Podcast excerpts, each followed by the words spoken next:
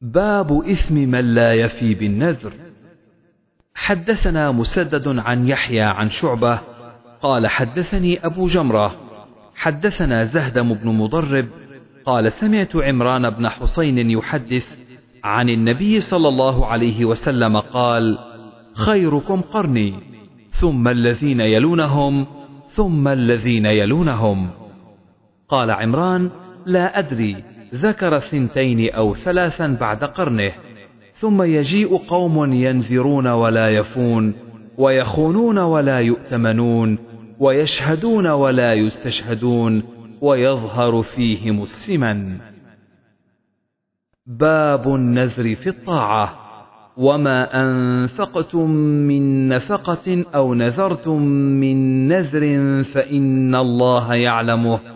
وما للظالمين من انصار.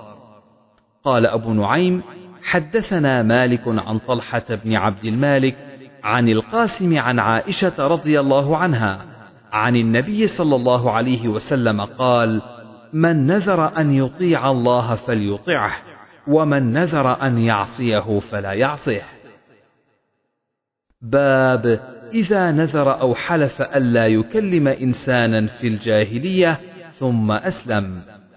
حدثنا محمد بن مقاتل أبو الحسن أخبرنا عبد الله أخبرنا عبيد الله بن عمر عن نافع عن ابن عمر أن عمر قال يا رسول الله إني نذرت في الجاهلية أن أعتكف ليلة في المسجد الحرام. قال أوف بنذرك. باب من مات وعليه نذر. وأمر ابن عمر امرأة جعلت أمها على نفسها صلاة بقباء فقال صلي عنها. وقال ابن عباس نحوه حدثنا أبو اليمان أخبرنا شعيب عن الزهري قال أخبرني عبيد الله بن عبد الله أن عبد الله بن عباس أخبره أن سعد بن عبادة الأنصاري استفتى النبي صلى الله عليه وسلم في نذر كان على أمه فتوفيت قبل أن تقضيه فأفتاه أن يقضيه عنها فكانت سنة بعد. حدثنا آدم حدثنا شعبة عن أبي بشر قال سمعت سعيد بن جبير عن ابن عباس رضي الله عنهما قال أتى رجل النبي صلى الله عليه وسلم فقال له إن أختي نذرت أن تحج وإنها ماتت. فقال النبي صلى الله عليه وسلم لو كان عليها دين أكنت قاضيه قال نعم. قال فاقض الله فهو أحق بالقضاء. باب النذر فيما لا يملك وفي معصية.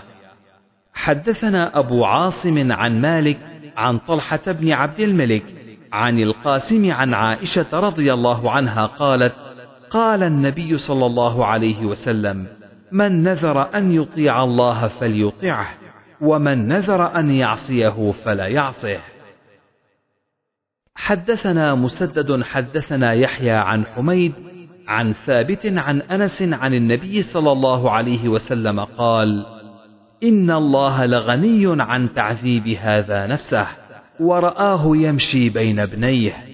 وقال الفزاري عن حميد حدثني ثابت عن أنس.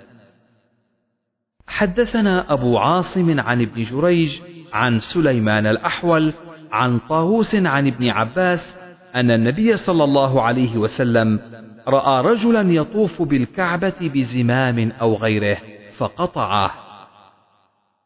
حدثنا إبراهيم بن موسى. أخبرنا هشام أن ابن جريج أخبرهم قال أخبرني سليمان الأحول أن طاووسا أخبره عن ابن عباس رضي الله عنهما أن النبي صلى الله عليه وسلم مر وهو يطوف بالكعبة بإنسان يقود انسانا بخزامة في أنفه فقطعها النبي صلى الله عليه وسلم بيده ثم أمره أن يقوده بيده. حدثنا موسى بن إسماعيل حدثنا وهيب حدثنا أيوب عن عكرمة عن ابن عباس قال بين النبي صلى الله عليه وسلم يخطب إذا هو برجل قائم فسأل عنه فقالوا أبو إسرائيل نذر أن يقوم ولا يقعد ولا يستظل ولا يتكلم ويصوم. فقال النبي صلى الله عليه وسلم مره فليتكلم وليستظل وليقعد وليتم صومه. قال عبد الوهاب حدثنا أيوب عن عكرمة عن النبي صلى الله عليه وسلم. باب من نذر أن يصوم أياما فوافق النحر أو الفطر. حدثنا محمد بن أبي بكر المقدمي حدثنا فضيل بن سليمان حدثنا موسى بن عقبة حدثنا حكيم بن أبي حرة الأسلمي أنه سمع عبد الله بن عمر رضي الله عنهما سئل عن رجل نذر ألا يأتي عليه يوم إلا صام فوافق يوم أضحى أو فطر فقال لقد كان لكم في رسول الله أسوة حسنة لم يكن يصوم يوم الأضحى والفطر ولا يرى صيامهما. حدثنا عبد الله بن مسلمة حدثنا يزيد بن زريع عن يونس عن زياد بن جبير قال كنت مع ابن عمر فسأله رجل فقال نذرت أن أصوم كل يوم ثلاثاء أو أربعاء ما عشت فوافقت هذا اليوم يوم النحر فقال أمر الله بوفاء النذر ونهينا أن نصوم يوم النحر فأعاد عليه فقال مثله لا يزيد عليه. باب هل يدخل في الأيمان والنذور الأرض والغنم والزروع والأمتعة؟ وقال ابن عمر قال عمر للنبي صلى الله عليه وسلم أصبت أرضا لم أصب مالا قط أنفس منه. قال إن شئت حبست أصلها وتصدقت بها. وقال أبو طلحة للنبي صلى الله عليه وسلم أحب أموالي إلي بيرحاء. لحائط له مستقبلة المسجد.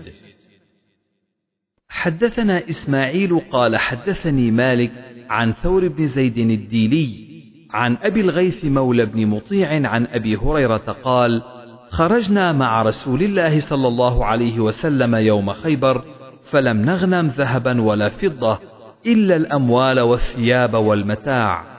فأهدى رجل من بني الضبيب يقال له رفاعة بن زيد لرسول الله صلى الله عليه وسلم غلاما يقال له مدعم. فوجه رسول الله صلى الله عليه وسلم إلى وادي القرى. حتى إذا كان بوادي القرى بينما مدعم يحط رحلا لرسول الله صلى الله عليه وسلم إذا سهم عائر فقتله. فقال الناس هنيئا له الجنة. فقال رسول الله صلى الله عليه وسلم كلا والذي نفسي بيده إن الشملة التي أخذها يوم خيبر من المغانم لم تصبها المقاسم لتشتعل عليه نارا.